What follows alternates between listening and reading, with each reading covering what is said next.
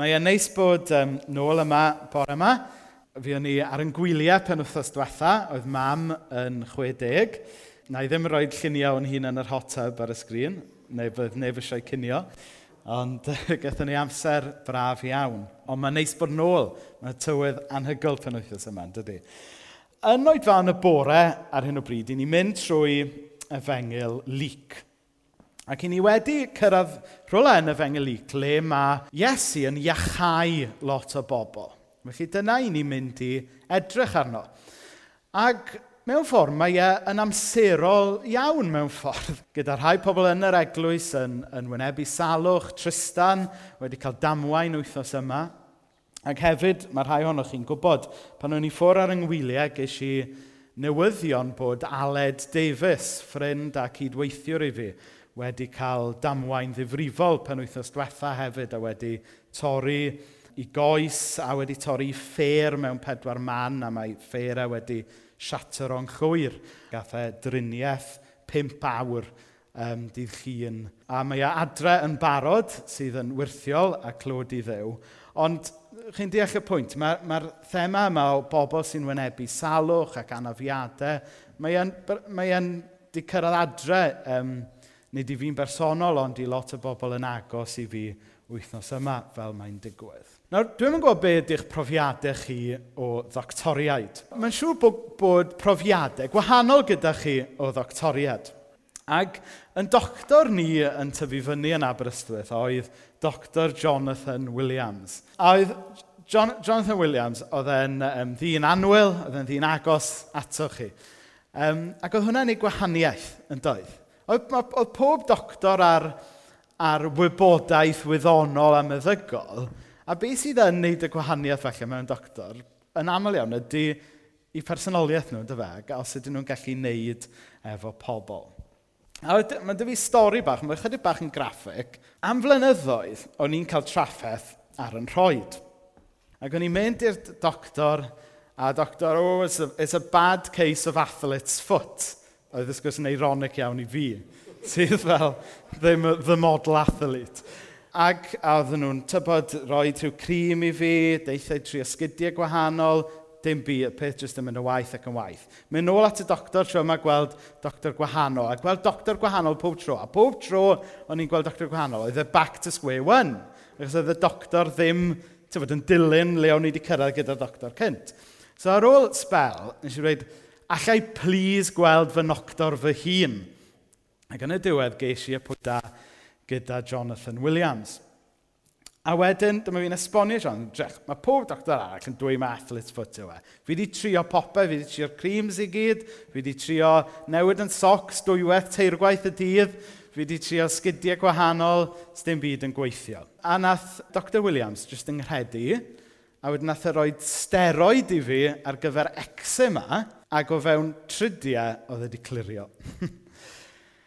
ac o'n i wedi cael y peth yma ers blynyddoedd. A pob doctor arall yn, yn hollol adamant mae athlet foot o dde. Ond Dr Williams yn credu fi roed steroid i fi roed yn rhoed ac oedd e dim mynd. Mae dal yn ôl weithiau, ond dwi'n cael y steroid yma yn iawn. Be oedd wedi newid oedd bod John Williams yn fy nabod i, bod e'n fodlon gwrando arno fi a bod e'n fodlon cerdded gyda fi ar y daith ac eisiau pwyntio gyda fe wythnos wedyn i ddilyn y peth lan. A mae hwnna'n bwysig gyda ti, bod, bod doctoriad yn dod i adnabod y claf, bod doctoriad yn, yn gwrando ar y claf, a bod doctoriad yn cerdded gyda'r claf ar hyd y siwrna. A mae hwnna'n ddelwedd gobeithio ynglyn â beth da ni'n mynd i edrych arno bore yma. Sef y math yna o ddoctor, y math yna o feddyg ydy Iesu. Mae e yn dod i'n adnabod ni, mae e'n gwrando arno ni, ac mae e'n cerdded gyda ni. Fel darlleniad bore yma, ni'n mynd i ddarllen o dechrau penod saith o lyc. Ar ôl i Iesu orffen dweud hyn i gyd wrth y bobl, aeth i mewn i Capernaum. Roedd gwas i swyddog milwrol Rhyfeinig yn sal ac ar fin marw. Roedd gan ei feistr feddwl uchel iawn ohono. Pan glywodd y swyddog Rhyfeinig am Iesu, anfonodd rai o'r arweinwyr y ddewig ato i ofyn iddo ddod i achau'r gwas. Dyma nhw'n dod at Iesu ac yn pledio arno i helpu'r dyn. Mae'r dyn yma'n heiddi cael dy help di. Mae'n caru'n pobl ni ac wedi adeiladu synagog i ni, meddyn nhw. Felly dyma Iesu'n mynd gyda nhw Roedd Iesu bron a chyrraedd y tŷ pan anfonodd y swyddog Rhufeinig rai o ffrindiau i ddweud wrtho, arglwydd pai trafferthu dod yma. Dwi ddim yn deilwng i ti ddod i mewn i'n hi i. Dyna pam wnes i ddim dod i dy gyfarfod di fy hun. Does ond rhaid i ti ddweud a bydd fy ngwas yn cael ei achau. Mae swyddogion uwch fy mhen i yn rhoi gorchmynion i mi ac mae gennynnau filwyr o dana fi. Dwi'n dweud dos wrth un ac mae'n mynd. Tyrdyma wrth un arall ac mae'n dod. Dwi'n dweud gwna hyn wrth yng ngwas ac mae'n ei wneud. Roedd Iesu wedi syfrdanu pan glywodd hyn, trodd at y dyrfa oedd yn ei ddilyn ac meddai. Dwi'n dweud wrthoch chi, dwi ddim wedi gweld neb o bobl Israel sydd â ffydd fel yna.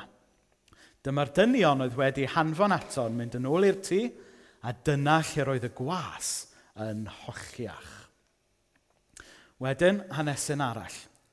Yn fuan wedyn, dyma Iesu'n mynd i dref o'r enw Nain. Roedd ei ddisgyblion a thyrfa fawr o bobl gydag e. Pan oedd ar fi'n cyrraedd giat y dref, roedd pobl mewn angladd ar y ffordd allan. Bachgen ifanc oedd wedi marw. Unig fab rhyw rai gweddw. Roedd tyrfa fawr o bobl y dre yn yr yngladd. Pan welodd Iesu'r rai gweddw, roedd yn teimlo drosti ac meddai wrthi, paid crio. Yna gwnaeth rhywbeth cwbl anusgwyl. Cyffwrdd yr arch. Dyma rhai oedd yn ei charion sefyll yn stond. Fachgen ifanc, meddai Iesu. Dwi'n dweud wrth y ti am godi. A dyma'r bachgen oedd wedi marw yn codi ar ei eistedd a dechrau siarad. A dyma Iesu'n ei roi yn ôl i'w fam. Roedd pawb wedi syfyrdanu'n llwyr, a dyma nhw'n dechrau moli Dyw. Mae proffwyd mawr wedi codi yn ein plith ni, meddyn nhw.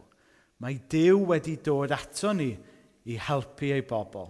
Aeth yr hanes yma am Iesu ar led fel tân gwyllt, drwy Judea gyfan ac ymhellach na hynny. So beth sydd gyda ni yn y ddau hanesyn yna ydy Iesu mewn rhyw ffordd yn iachau A mae e'n thema sy'n codi yn aml iawn yn yr efengylau, Matthew, Mark, Luc a Iohann, y pedwar llyfr yn y Beibl sy'n rhoi hanes bywyd Iesu. Mae'n debyg fod, ddim bod fi wedi cyfri fy hun, ond mae tua 25% o'r efengylau e yn storys ynglyn â Iesu yn iachau pobl mewn rhyw ffordd. So yn yr hanes cyntaf, oedd gwas y swyddog Rhyfeinig yn sal a mae'r swyddog Rhyfeinig mwy na thebyg wedi clywed fod Iesu yn iachau, a mae e yn galw am rywun i fynd i nôl Iesu, ac eisiau Iesu ddod i, i gyffwrdd a gweddio gyda, gyda wasau. A mae'n ddiddorol bod swyddog Rhyfeinig yn gwneud hyn, achos ar y pryd oedd swyddogion Rhyfeinig, oedd nhw yn bobl o statws, oedd nhw, wrth gwrs, oedd meddyginiaeth yn amser y Beibl ddim lle mae e heddi, Ond mi fasa'r swyddau Cryfenig wedi gallu troi at y meddygon gorau y cyfnod. Ond amlwg oedd, oedd dim byd arall yn gweithio. Felly mae e yn troi at Iesu. Ac yr argraff i ni'n cael o'r stori oedd fod y swydd y Cryfeinig oedd e yn credu fod Iesu yn gallu newid y stori. Oedd e'n credu fod Iesu yn gallu wneud gwahaniaeth. A fel mae'r hanes yn mynd ymlaen, mae'r gwas wedi ei hyd yn oed cyn i Iesu gyrraedd. Hynny yw, mae, mae Iesu wedi, wedi gallu torri trwyddo heb fod yna yn llythrenol. Wedyn yr ail hanes sydd gyda ni, mab y wraig weddw. A mae'r hanes yma'n fwy rhyfeddol, achos mae'r adroddiad yn dweud fod y mab wedi marw. A wedyn mae Iesu Grist yn cyffwrdd y corff neu'r, neu arch. A oedd hwnna'n rhywbeth siocing. Achos yn y cyfnod yma, oedd, oedd cyrff marw yn cael ei ystyried yn bethau aflan fel petai, yn bethau, bethau brwnt. Felly oedd rhywun ddim yn cyffwrdd â corff. Felly mae Iesu yn, yn neud rhywbeth oedd yn culturally shocking fel petai, ac yn cyffwrdd y corff yma, a wedyn mae'r wyrth mwyaf goruwch naturiol yn digwydd, a mae'r bachgen yn atgyfodi. Nawr, beth i ni wneud o'r ddau hanes yma? Y gŵr yma yn cael ei achau a'r bachgen ifanc yma yn dod nôl yn fyw. Ydyn ni'n meddwl mai just stori tylwyth teg ydyn nhw? Ydyn ni just yn meddwl mai rhyw stori gwneud fyny oedden nhw sy'n dysgu rhyw fath o wirionedd? Neu ydyn ni'n credu fod Iesu yn ddiw sydd yn gwneud yr amhosib, sydd yn gallu gwneud gwirthiau. Ydyn ni yn credu fod y nefoedd yn gallu torri trwyddo yn y byd yma. A dwi'n meddwl bod hynna yn bosib. Dwi'n meddwl fod Iesu Grist yn ddiw sydd yn gwneud gwirthiau, sydd yn gwneud yr amhosib. Achos os da ni'n tynnu y gwirthiau allan o grisnogaeth, yr unig beth sydd ar ôl gyda ni ydy athro da. Iesu oedd yr athro gorau, ond mae e gymaint mwy na hynna yn dydy.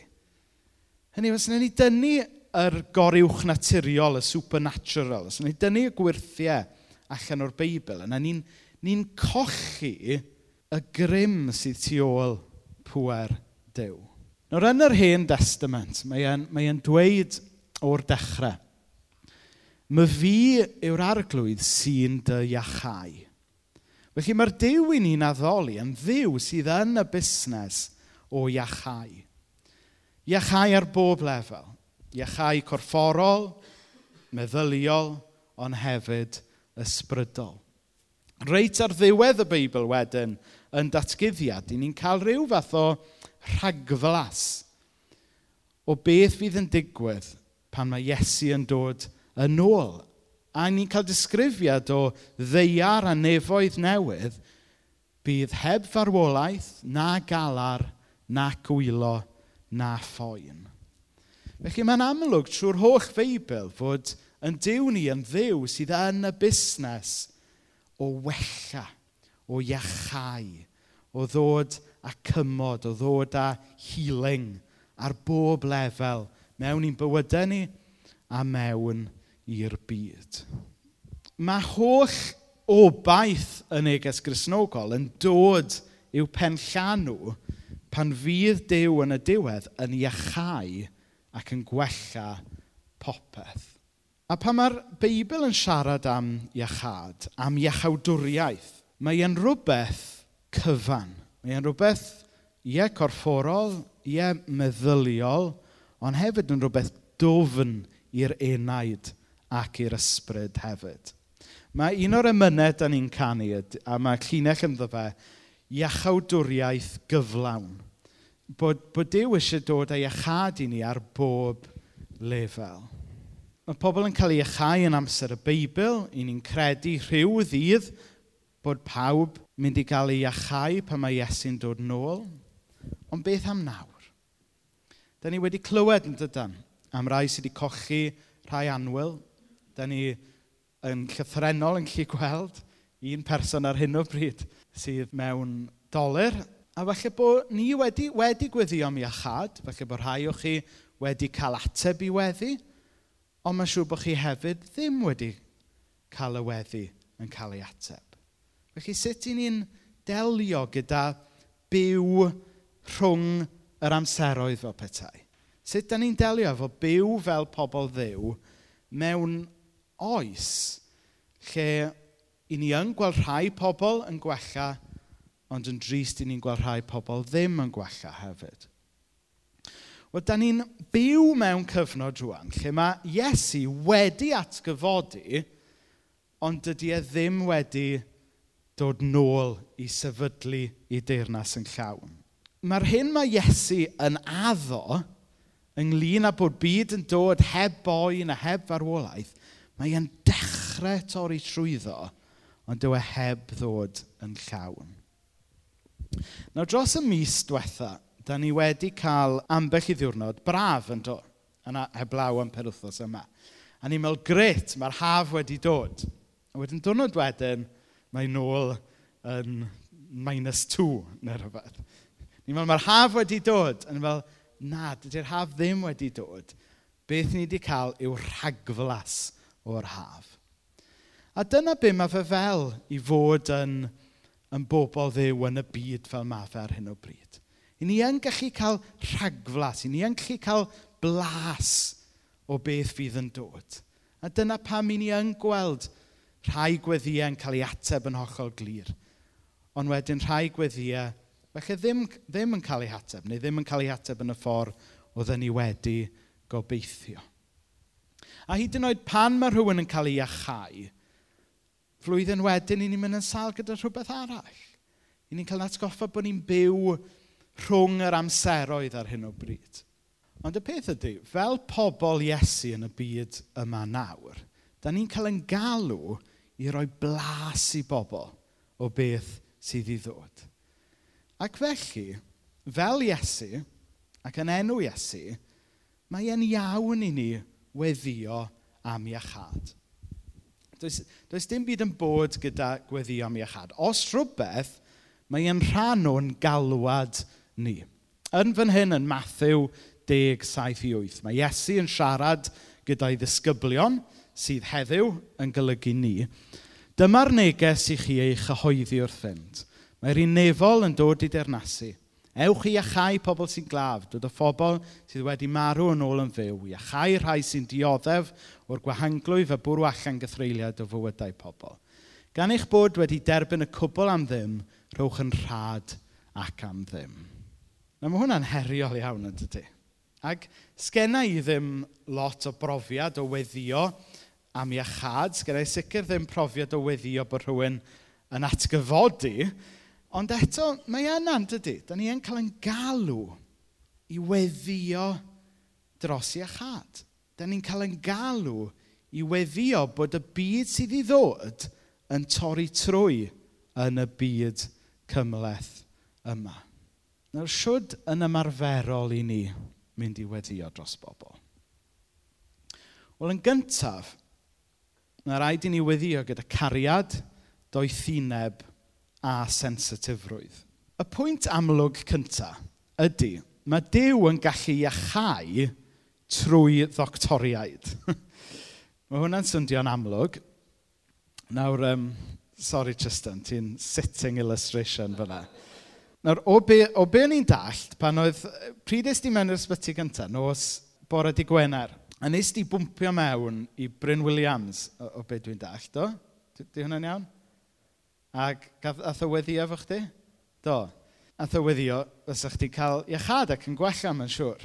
A nath yr weddi yna, na gath o ddim i ateb mewn ffordd gwirthiol, ond gath o'i ateb drwy ddawn oedd Dyw di rhoi i feddyg ddoe pan ges di driniaeth. Chi'n deall y pwynt? So pan mae Dyw yn ateb gweddi am iachad, falle bod o jyst drwy law meddyg. A mae'n bwysig bod ni'n neud y pwynt yna, achos mae rhai Cresnogion, chybod, pan, pan maen nhw'n mynd yn sal, maen nhw'n anhofio, actually, y peth cyntaf dylech chi'n neud ydy mynd i weld y doctor. mae'n swnio'n amlwg. Ond mae rhai Cresnogion bron yn fel, nid yn anti-medicine, ond chybod, maen nhw'n meddwl, o, os na i just gweddio'n fwy caled, gai fe i chai. Wel, falle bod Dyw yn dweithio ti just mynd i weld y doctor. a mae hwnna'n yw'r pwynt cyntaf. Achos dan ni'n credu fod mae Dyw sydd yn rhoi y dawn i'r doctor. Dan ni'n credu mae Dyw sydd yn rhoi gofal i'r nyrs. So dan ni'n credu fod Dyw yn gallu achau pobl drwy feddyginiaeth a drwy ddoctoriaid. Ac os ydych chi'n cael cyfle i weddio dros rhywun am iechad, mae'n bwysig bod chi yn sensitif ac yn gofyn i'r person os y cewch chi weddio gyda nhw gyntaf. Falle bod chi wedi cael eich hun mewn sefyllfa awkward pan mae rhywun jyst wedi fforsio ei hun arnoch chi falle. Achos pan mae pobl yn sal, maen nhw ar ei mwyaf vulnerable yn dydyn. Felly mae'n bwysig bod chi ddim yn cymryd mantais dros rhywun sydd yn sal. Mae'n chi, allwch chi gynnig gweddio gyda rhywun, ac os yw'r person dweud na, mae'n chi barchu hwnna a chi ofyn i rywun, gai weddio gyda ti? Os yw'r person dweud, yeah, please, yna gweddiwch gyda nhw. Os yw'r person dweud, na, dim diolch, rhaid chi barchu hynny. So pan i chi'n cael cyfle i weddio efo pobl, mae'n chi parchu dymuniad y person yna. Yn drydydd, pan i ni'n gweddio gyda pobl am iechad, mae'n bwysig bod ni'n gweddio am yr iechawdwriaeth gyflawn yma o'n i'n sôn amdano. Os yw rhywun yn, yn sal yn gorfforol, allwn ni weddio dros hynna wrth gwrs.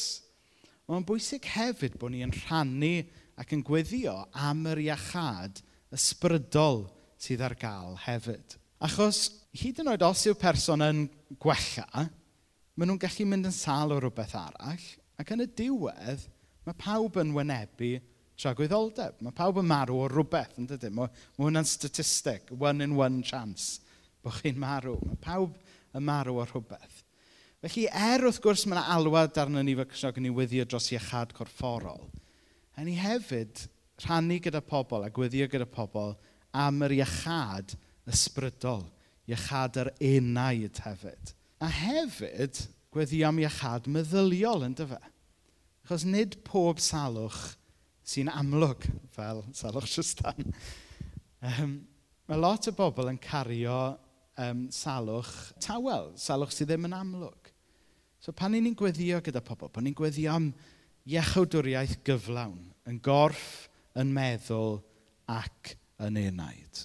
Wedyn yn olaf, pan da ni'n gweddio am iachad, hwn yw'r peth mwyaf pwysig. Bod ni'n gweddio yn enw ac yn awdurdod Iesu Grist. Achos Iesu Grist yw y meddyg da. Iesu Gris sydd yn gallu iachau pobl. Sgynna ni ddim box o tricks fel eglwys. Sgynna ni ddim superpowers. Ond pwy sydd yn gallu gwneud gwahaniaeth yn bywyd pobl ydy Iesu Grist i hun. So pan da ni'n gweddio, pan ni'n gweddio yn enw Iesu Grist ac yn awdurdod Iesu Grist. Does dim rhyw fath o magic formula, does dim rhyw fath o tric y gallwn ni tynnu allan o'r bag, ond mae yna enw pwerus y gallwn ni droi ato fe, sef Iesu Grist i hun. Nawr, yn yn traddodiad capelu Cymraeg ni, dydy hwn ddim yn rhywbeth da ni'n gwneud lot ohono fe, gweddio am iachad. Mae traddodiadau chrysnogol eraill yn rhoi fwy o bwyslais ar hyn. A dwi'n meddwl bod lot gyda ni ddysgu o'r traddodiadau yna. A mae lot o'r traddodiadau sydd yn gweddio am iechad ac yn gweld pobl yn cael ei achau, maen nhw hefyd drwy hynna yn gweld pobl yn dod i adnabod Iesu.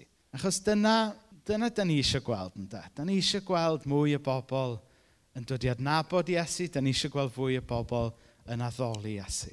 Da ni eisiau pobl cael ei achau, wrth gwrs. Ond da ni eisiau pobl cael yr iachad mewnol ac ysbrydol ac yn yr enaid. A hefyd mae'r broses o cael yn iachau yn rhywbeth parhaus yn dydy. Mae, mae Iesu eisiau tywallt i hun yn ddyddiol mewn i ni.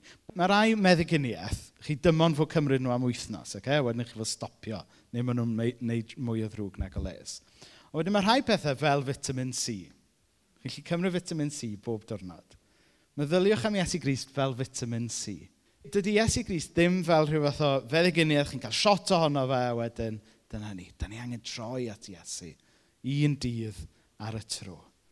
A troi ato fe i gael yr iachad cyflawn bob dydd. Nawr dwi yn dyheu y byddwn ni yn gweld mwy o bobl yn cael eu achau yn gorfforol. A nid er mwyn iddo fe fod yn sioe, nid er mwyn fe fod yn, fod yn rhyw spectacle mawr, ond er mwyn i bobl weld pwer Iesu. Er mwyn i bobl weld Iesu am bwy yw e, ac er mwyn i bobl addoli Iesu. So, ni jyst mynd i weddio am hynna nawr. Dwi ddim mynd i ofyn i neb ddod i'r ffrynt, dwi ddim mynd i ofyn i neb rhoi dwylo lan a dim byd. Ond os oes rhywun yma yn sal mewn gwahanol ffordd ar hyn o bryd, gawn ni weddio drostych chi. Dwi ddim yn mynd i enwi neb achos, wel, chi eich hun sy'n gwybod. Ond os ydy'r weddi yma yn weddi i chi, yna pwyswch ar yr arglwydd mewn iddo fe. Ac gewch chi ddod atai ar y diwedd i rannu os da chi eisiau. Ond newn ni, newn ni jyst gweddio nawr. O ddew dad, da ni yn cyflwyno unrhyw un yma bore yma sydd yn yn sal neu yn cario rhyw afiechyd mewn unrhyw ffordd. Da ni'n credu fod ti yn ddiw sydd yn gallu iachau o ddiw dad. I ddechrau o ddiw dad, da ni'n diolch am y meddygon a'r nyrsys a pawb yn ni'n gallu troi ato. A da ni'n diolch bod ti wedi rhoi dydoniau i'r doctoriad i ofalu ar yn hôl ni. Ond o ddiw dad, da ni'n credu hefyd bod ti yn gallu gwneud yr amhosib. Da ni'n credu bod ti yn gallu wneud y gwirthio. Felly, os oes unrhyw un yma bore yma yn, yn sal neu yn cario rhyw anaf neu rhywbeth, da ni'n gofyn i ti roi dy law iachusol arnyn nhw bore yma. Ond o ddiw dad, ni'n diolch bod ti ddim yn stopio fyna. Da ni'n meddwl bod ti, a da ni'n credu fod ti eisiau iachau yn calonau ni hefyd. So os oes unrhyw un yma bore yma sydd â loes yn ei calon, i ni'n gofyn i ti iachau calonau bore yma o ddiw, dad. Da ni'n diolch bod ti yn dod a iachad dofn i bob un ohono ni. So, unrhyw un yma, bore yma yn, yn cario rhyw faich neu rhyw bryder um, meddyliol o unrhyw fath. O ddiw dad, i ni'n gofyn ti dod a iachad a heddwch mewn i'r sefyllfa yna o ddiw dad, da ni'n gofyn i ti dorri trwyddo mewn y sefyllfaoedd yna dros y dyddiau nesaf. A da ni'n diolch fod ti yn ddiw sydd yn iachau. Da ni'n diolch fod ti yn ddiw sy'n addo bod na fydd yn dod pan na fydd poen, na fydd galar, a bydde di yn sychu pob deigryn. Ac o ddiw dad, i ni'n disgwyl ymlaen am y dydd yna, a da ni'n diolch i ti am y rhagflas i ni'n cael mewn gwahanol bethau yn y byd yma. Amen.